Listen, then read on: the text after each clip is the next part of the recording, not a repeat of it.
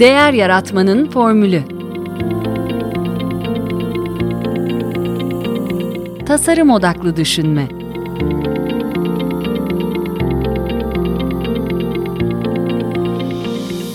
Merhaba, ben Mete Yurtsever. Değer Yaratmanın Formülü Podcast'inin ev sahibiyim. Sinema kulübümüzün dördüncü buluşmasında 2019 yılı yapımı Güney Koreli yönetmen Bong Joon-ho'nun Parazit adlı filmini konuştuk. Film bir gerilim komedi veya kara mizah örneği. Yoksulluk içindeki Kim ailesinin zekalarını kullanarak varlıklı Park ailesinin evlerine ve hayatlarına sızmalarını anlatıyor. Daha iyice planları tıkır tıkır işliyor gibi görünse de sonunda Felek onlara oyununu oynuyor. Ben filmi izlerken gerildim ve ara vermek zorunda kaldım. Bir yandan Kim ailesinin etik olmayan bir şekilde hareket etmesini kabullenemedim ama bunun için de çok büyük bir bedel ödemelerini istemedim. Yönetmen o anlamda güzel bir denge kurmuş. Her toplumda var olan zengin-fakir çatışmasına farklı açıdan bakmış. Kimse mutlak kötü veya mutlak iyi değil. Bir taraftan fakirler zenginler kadar hatta onlara ilham olacak kadar mahirler. Ancak hırslarına yenik düşüyorlar. Zenginler ise onca imkanlara rağmen bir aile olmaktan fakirler kadar nasip alamamışlar. Parazit 2019 yılında premierini gerçekleştiği Cannes Film Festivali'nde Altın Palmiye ödülünü alıyor. 92. Oscar ödüllerinde ise aday olduğu 6 daldan 4'ünde en iyi film, en iyi yönetmen, en iyi uluslararası film ve en iyi orijinal senaryo ödüllerini kazanıyor. En iyi film ödülü ise tarihinde ilk kez İngilizce olmayan bir filme gitmiş oluyor. O nedenle Kore filmi deyip dudak bükmeden izlemenizi hararetle tavsiye ediyorum. Bu kayıtta katılımcılarımızın görüşlerinden bir kesit paylaşıyorum yine. Sırasıyla söz alanlar Meral Kuzu, Suat Soy ve Demet Karahasanoğlu. Şimdi sizi söyleşimize baş başa bırakıyorum.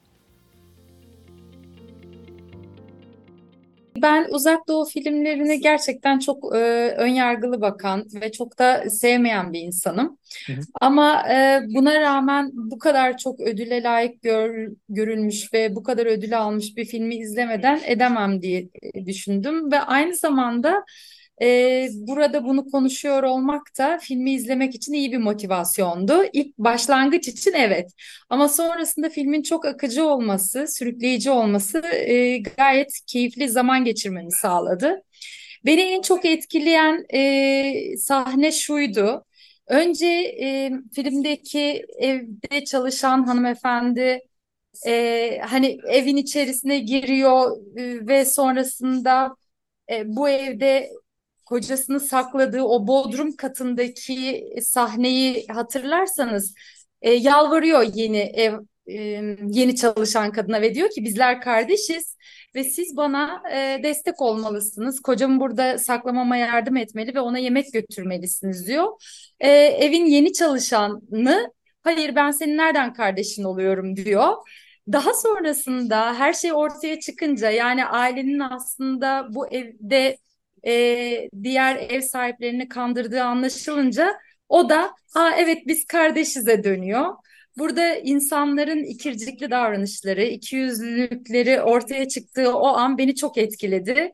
Ee, önce çok e, üstten tepeden bakıyordu. Aynı sosyolojik tabakada olmuş olmasına rağmen.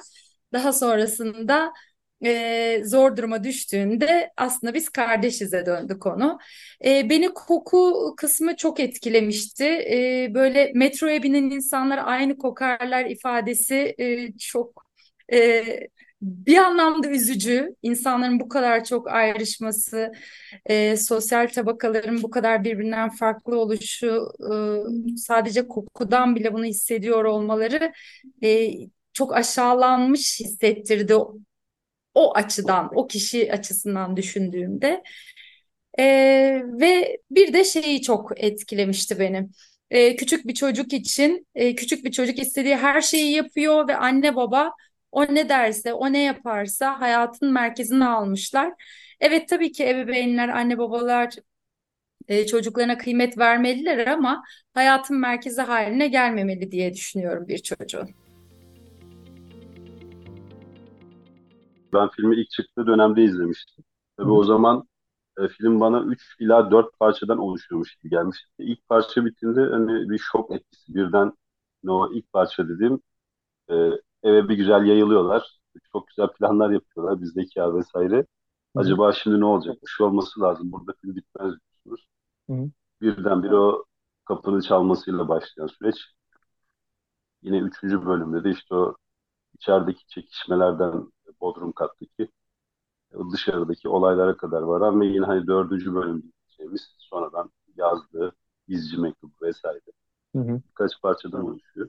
Hı hı. Zekice kurgulanmış. Ben bir iki ay önce bir Kurosawa'nın Alçak ve Yüksek diye bir film vardı. Onu izlemiştim. Hı. Orada da şehri çok yüksek bir yerinde çok e, lüks bir malikane inşa eden bir zenginin iş adamının işte şoförünün çocuğunun kaçırılmasıyla ilgili bir hikaye vardı. Filyeci var ama o da çok zekiydi. Adamı yakalamak için bayağı mücadele etmişlerdi. Şimdi bu filmi de o zaman izlemiştim. Tekrar izledim. Şunu düşündüm. Acaba e, uzak doğu sinemasında e, bu çok sık işlenen bir konu mu? Hani zengin olan fakirlerin hmm. çok şatafat ve lüks bunu insanların gözüne sokarak çünkü mimar mimardan almışlar vesaire çok hani mimari ödülleri bile olmuş işte başında. Acaba bu çok işlenen bir konu mu? Hani bizden çok çok daha farklı mı bakıyorlar? Öce alma duygusu mu var? Açıkçası. Uzak Doğu tarafında belki kültür daha farklı bakıyordu. Öyle bir benzerlik tespitim oldu. Çok zekiler ama o ellerindeki diplomaları yok. O yüzden o onlara engel oluyor gibi bir durum söz konusu. Yani hı hı. Aslında toplumun biraz onları getirdiği bir nokta var. Çünkü adam da bir sürü iş denemiş. En sonunda bir aile olarak sanki bir dolandırıcılık çetesi gibi bir şey dönüşmüşler. Biraz hayat onları oraya getirmiş. Tabii çocuklarıyla olan bu şekilde diyalogları, yaşamları, yaptıkları ne kadar da tabii tartışılır. e, sığınaktan utanıldığına dair bir ifade vardı. Orayı hmm. e, hatırlayabildiniz mi? E, ailesi bu sığınağı galiba evin erkek olan sahibi için söylendi bunu. Hı hı. O bilmi e, o bunu ailesine söylemekten yani kendi anne babasına söylemekten endişe ediyor çünkü bu sığınaktan utanıyor. E, orada herhangi bir saldırı e, anında bu tip hmm. zenginlerin çoğunun evinde böyle bir sığınak olduğunu hmm. ama bu sığınağa genelde gizli tutulduğunu hmm. söylüyor. Tamam sığınak gizli tutuluyordur onu anlıyorum. Hatta şey galiba borçları ödeyemeyecek hale gelirse alacaklarından kaçmak hmm. için de sığınak sığınak kullanılıyormuş. Fakat orada özellikle ailesine bunu söylemekten utandığı ifadesi dikkatimi çekmiş ama anlam verememiştim. Hmm e, neden ailesine söylemekten utanır insan? E, muhakkak gelenekselci bir, e, tabii uzak doğu evet. geleneksel muhafazakar Hı-hı. toplumlar bunlar, onu anlıyorum. Ama aile aileniz yani sığınağım var demek ya da tamam olabilir yine utanabilir ama o zaman e, bunu neden özellikle cümle olarak kullandı? Acaba izleyiciye hmm. verilmek istenen nokta şu muydu? E, daha eskiler uzak doğudaki eskiler böyle sığınaklarda falan değil cengaverce çıkarlar hmm. ve düşmana karşı savaşırlardı hmm. ama yeni nesil böyle değiller. Onlar sığınaklara sığınmayı, saklanmayı hmm. tercih ediyorlar mesajı mı vardı acaba? Aslında yani bu tarz e, böyle oyunlar ve Ali Cengiz şeyler böyle bu tür kurnazlıklar hani Doğu toplumunda aslında çok olan bir şey bir yandan. Sığınak e, eskiden de yani o tarz hileler diyeyim yani. Aslında evet herhalde yani yine o bir anlamda e, erkeğin yani kendime güveniyorsam niye böyle bir sığınak yaptırayım? Hani o bir zayıflık göstergesi gibi e, algılanabilir. Yani düşünsenize evin çocuğu gidiyor arkadaşlarına anlatıyor işte bizim evde ha. böyle bir sığınak var. Üç sene evet, sonra, evet. beş sene sonra baba iflas ediyor. Aa evet onların evinde böyle bir durum vardı diye. Ya da şöyle bir şey de olabilir. Nihayetinde işte erkek e, ev ahalisine bir bir illüzyon yaratıyor orada. Yani imkanları ölçüsünde tabii ki. Yani o zengin, şatafatlı e, yaşam. E, e, aa bir de bunun sığınak kısmı var. Bir de bunun yani senaryonun öbür tarafı da var. Bir şekilde şu anda e, senaryoda değil bir şekilde şu anda onu yaşamıyoruz ama yarın öbür gün ne olacak? Yani orada bir evet. aile üyelerine kaygıyı sürükleyen bir durum evet. da olabilir. Aynen. Yani bu koşulları kaybedebiliriz. Evet. Ee, fikrinden de uzak tutmak için. Aynen. Bunu eklemek istedim. Evet evet siz daha güzel ifade ettiniz. Ben de aynı şey söylemeye çalıştım ama bence de. az önce söylediğiniz bu Elon Musk'la ilgili e, yapay zeka ve daha sonrasında toplumun biraz daha eşit ve biraz daha konforlu bir yaşama dair umut verici sözlerinize inanmak istiyorum. Çünkü bugün e, bir tiyatro izledim. E, Godot geldi diye. Biliyorsunuz Godot'u hmm. beklerken çok klasiktir. Ee, evet Godot gelirse ne oluru gösteren bir oyundu bugünkü izlediğim hmm. oyun. Hı Ve aslında tam da bugün konuştuğumuz konuya e, birebir uyan bir e, konusu var. Orada hep dengelerin bir şekilde güçlüden e, güçsüze, e, zenginden fakire, fakirden zengine geçebileceği ama dünya düzeninin hiçbir zaman eşit olamayacağı, bir dönem sen evet zengindin, sendeki kasıt orada bireysel değil, toplumlar açısından düşünebiliriz. Ee, ama hep bir ezen ve hep bir ezilen olacaktır. Dünya kurulduğundan beri böyledir mesajı vardı.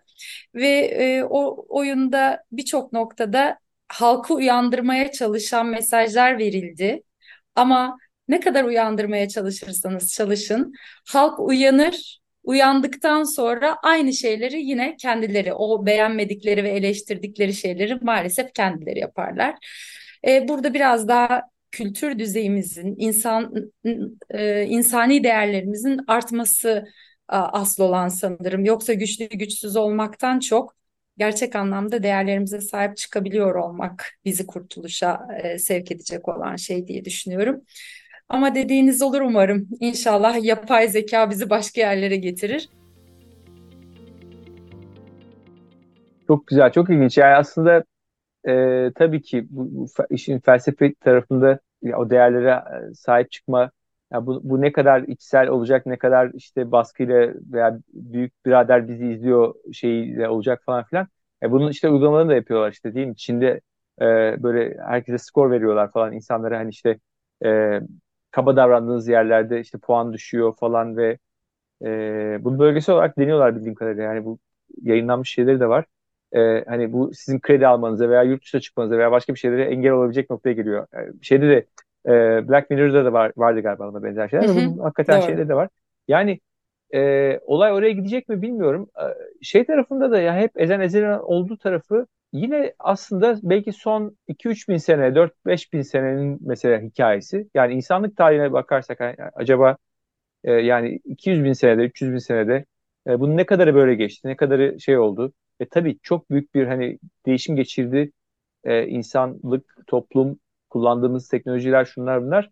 E, hani geri dönüşü olmaz tabii mutlaka birçok bir şeyde ama e, ama bir yandan da hani burada da kalamaz gibi geliyor. Çünkü bir dengesizlik var. O denge mutlaka bir denge getirmek zorunda gibi de düşünüyorum bir yandan da. Hani muhtemelen ben göremem, biz göremeyiz belki ama hani e, başka türlü bir düzenin de mümkün olabileceğine e, inanmak istiyorum. Çünkü hakikaten bir şey denge hep buluyor yani. Hayat bir dengeyi hep buluyor aslında. Yani bir şey bozuyorsunuz başka bir yerde başka bir denge e, oluşuyor. O yüzden e, ben yani kapitalizmin e, de son ve tek model olduğunu da düşünmüyorum. Hani bu tarz zenginleşmenin, bu tarz büyümenin de e, bir cevap olmadığını da görüyoruz işte yani her türlü şeyde. E, bu da yıkılacak. Hani ne bileyim demokrasi de belki e, kalmayacak falan ama yerine başka bir şey gelecek. Yani işte bir yapay zekanın yönettiği ve optimize ettiği bir bir şey gelecek. Yani ben e, değişim devam edecek ve hani burada kalmayacağız ve buradan da illa kötüye gidecek diye de düşünmek istemiyorum. Yani dibi görmediysek daha kötüye gidecek de dibi gördüğümüz noktada da tekrar daha iyi yere gidecek diye ümit ediyorum bilmiyorum. Ben de orada hani 80'e 20 kuralı var ya onun her daim devam edeceğini düşünüyorum. Yani illa o 80'e 20'lik bilim oluşacak o dengeler oturduğu zaman sonuçta. Hmm. Doğadan da gelen bir şey olduğu için kural. Tabii tabii. Yani sonuçta Finland, Finlandiya'da mesela şu anda vatandaşlık maaş uygulaması var. Hı hı. Yani tembellik evet. etmeyecek kadar insanlara maaş vererek hani belli bir şey tutuyorlar. Tabii bu küçük rakamlar. Çünkü 85 milyon geçmiş ülkelerde değil. Bir de e, şimdi tabii gözlem ya da bilgi o kamera verileri vesairesi diyoruz, kredi kartı diyoruz. Bilgilerin kimin elinde olduğuyla da alakalı olduğu için hani geçen okuduğumuz kitap Stolen Focus işte hep Google'a, Facebook'a vesaireye gidiyor süreçler. Şimdi tabii bir de hani biliyorsunuz Panoptikon hapishane modeli var. zamanla hani herkesin herkesi izleyebildiği bir noktaya doğru ilerliyor. Hı. Gözlemcinin tek olmadığı herkesin gözlemci oldu. Çünkü Instagram'ını şusuna bursa girip herkesi görebildiğimiz birbirimiz bir ortama doğru gidiyoruz. Ama bazıları daha panoptikon, bence gözlemci. Hı. O bilgi de onların elinde olduğu sürece e, onların hep 20'de kalacağını ben açıkçası düşünüyorum. Elon Musk da bence bunlardan birisi. Yani e, ben tabii mutlaka bir, bir, e, bir e, kesim e, diğerlerinden hep daha ayrıcalıklı, daha e, e, şey olabilirler. Orası değil. Beni, ben, beni rahatsız eden olay hani o alttaki kısmın e, çok sefil ve hani bir sürü e, işte ne bileyim ne güvenliğinin olması ne e, sağlık koşullarının olması ne e, yani açlık gibi sorun olması bunların ortadan kalkması aslında bence bir insanlık için bir başarı olur. Yani güvenlik sorununun ortadan kalkması işte e, yeme içmenin e, sağlığın hani e, bunlar kalksa zaten yeter yani. E, daha e, herkes e, şotoda oturmasın yani zaten de. E, daha iyi bir düzen aslında daha daha insani bir e, şey düzen mümkün diye. Kastettiğim o yoksa tabii ki mutlaka hep birileri yöneten olacak bazıları işte ne diyeyim veya etkisi olacak. Bu podcast'te değer yaratmanın çerçevesini oluşturan davranış bilimi, kişisel gelişim, girişimcilik, pazarlama ve inovasyon alanlarından yurt içinden ve yurt dışından bilim insanlarına, akademisyenlere, tasarımcılara, iş insanlarına, danışmanlara ve eğitmenlere değer yaratma formüllerini soruyorum. Amacım Türkiye'de değer yaratmaya çalışan kişilere konuklarımın deneyimlerinden ilham vermek. Hatta ilham vermenin ötesinde elimden geldiğince bu yolda kolaylaştırıcı olmak istiyorum. Bu amaçla kurduğum kitap ve sinema kulübüne, verimlilik ve üretkenlik alanındaki uygulamalar hakkında bilgi alışverişinde bulunduğumuz dijital akıl kulübüne katılabilirsiniz. Eğer kariyerinizde bir değişiklik ya da mevcut işinizde kendinizi geliştirmek istiyorsanız, farklı disiplinlerden kafa dengi, öğrenmeye açık insanların birbirlerinin gelişimine, üretimine destek, ortak olma taahhüdüyle bir araya geldiği derya toplumumuza katılabilirsiniz. Tüm bu topluluklar hakkında daha fazla bilgi almak ve kayıt olmak için açıklamalarda linkini bulacağınız Patreon sayfamı veya meteyurtsever.com'u ziyaret edebilirsiniz. İş yerinizde tasarım odaklı düşünme yaklaşımıyla problemlerinizi yeni bir bakış açısıyla çözmenizde size nasıl yardımcı olabileceğimi öğrenmek için ise info.meteyursever.com'a mesaj gönderebilirsiniz. Bu podcast'i beğendiyseniz lütfen arkadaşlarınızla paylaşmaktan, takip almaktan ve değerlendirme bırakmaktan üşenmeyin. Eleştiri, beğeni ve önerilerinizi bekliyorum ve şimdiden teşekkür ediyorum. Tekrar görüşünceye dek sağlıkla kalın, hoşçakalın.